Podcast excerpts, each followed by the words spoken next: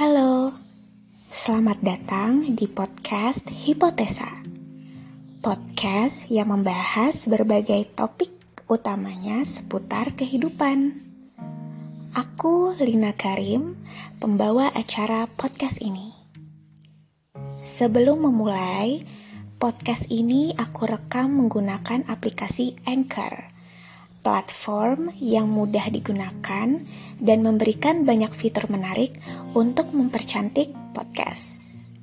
Selain itu, aplikasi ini gratis.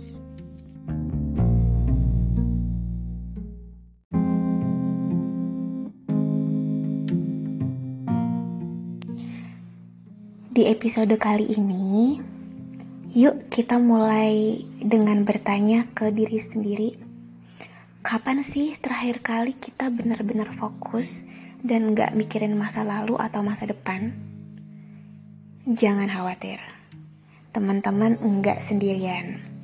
Karena ternyata sekitar 50-70% waktu kita itu memang dihabiskan untuk memikirkan masa lalu atau masa depan.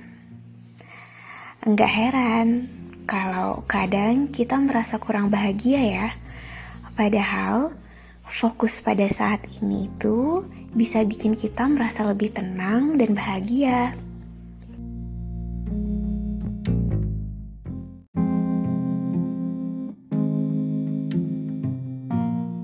Salah satu studi penting tentang topik ini pernah dilakukan oleh psikolog bernama Matthew Killingsworth, dan Daniel Gilbert. Mereka berdua kebetulan juga pernah membuat aplikasi di iPhone untuk melacak pikiran dan suasana hati pengguna aplikasi secara real time. Di penelitian mereka berdua, itu ditemukan kalau pikiran kita sering kali mengembara dan umumnya kita akan menjadi kurang bahagia ketika pikiran kita mengembara daripada ketika kita fokus pada saat ini. Kita khawatir tentang apa yang akan terjadi besok, atau sebaliknya, sering kali kita meratapi kesalahan yang sudah terjadi di masa lalu. Padahal, kita bisa menemukan kebahagiaan dan kedamaian cukup dengan fokus pada saat ini.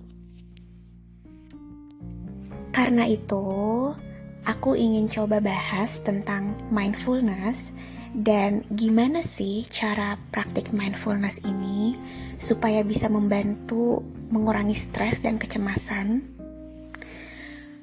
Ada penelitian lain yang dilakukan di Harvard Medical School yang menemukan kalau dengan membiasakan latihan mindfulness selama 8 minggu, kita bisa mengurangi tingkat stres dan kecemasan dalam hidup. Selain itu, ternyata praktik mindfulness ini juga bisa membantu meningkatkan konsentrasi dan memberikan banyak manfaat kesehatan seperti meningkatkan kekebalan tubuh.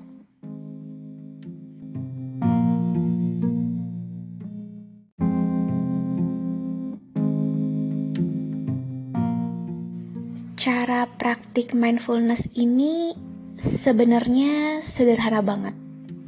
Teman-teman tinggal fokus saja pada pernafasan. Yap, praktik mindfulness ini sebenarnya bisa dibilang kurang lebih mirip banget sama praktik meditasi. Kenapa sih fokus di pernafasan? Karena Pernafasan itu selalu ada di saat ini, rutin terjadi dari waktu ke waktu. Jadi, fokus pada pernafasan bisa membantu kita untuk kembali ke saat sekarang. Ketika kita fokus pada pernafasan, kita bisa mengamati pikiran dan perasaan kita tanpa menilai atau atau mengevaluasi pikiran dan perasaan tersebut. Kenapa karena kita fokus pada pernafasan tadi.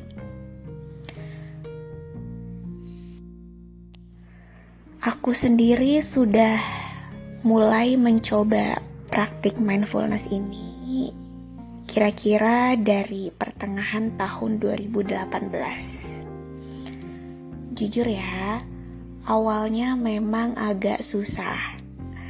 Kesulitan ini aku rasakan semisal nih aku lagi sedih dan nangis. Kebanyakan dari kita, aku yakin, sering kali terjebak dalam pikiran yang berputar-putar dan menyebabkan kita jadi overthinking. Tapi ketika aku mencoba untuk meditasi, semata-mata cuma ingin meredakan rasa sedih, aku lama-kelamaan jadi bisa menemukan rasa tenang dan bisa mengendalikan emosi aku dengan lebih baik. Meskipun pada awal praktiknya itu ya rasa sedih itu ya nggak bisa dielak. Sedih ya sedih aja. Harus nangis ya nangis aja tapi dengan semakin lama semakin fokus ke pernafasan, pelan-pelan aku jadi mendapati diriku yang bisa lebih tenang dan lebih damai. Dari pengalaman itu, aku sadar kalau latihan mindfulness itu memang butuh waktu dan ketekunan. Tapi hasilnya tuh benar-benar sangat berharga bagi kesehatan mentalku. Kebetulan beberapa orang di circle pertemananku itu juga sering mempraktikkan mindfulness ini. Dan teman-temanku juga sudah cerita kalau mereka merasakan perubahan yang lebih positif dalam hidup mereka. Mereka merasa lebih bahagia, lebih seimbang, dan bisa lebih fokus dalam pekerjaan dan urusan kehidupan pribadi mereka masing-masing. Meskipun setiap orang menurutku bisa aja punya pengalaman yang berbeda-beda ketika mempraktikkan mindfulness ini. Tapi yang pasti, praktik ini adalah cara yang efektif sekali untuk meningkatkan kesejahteraan mental dan emosionalku.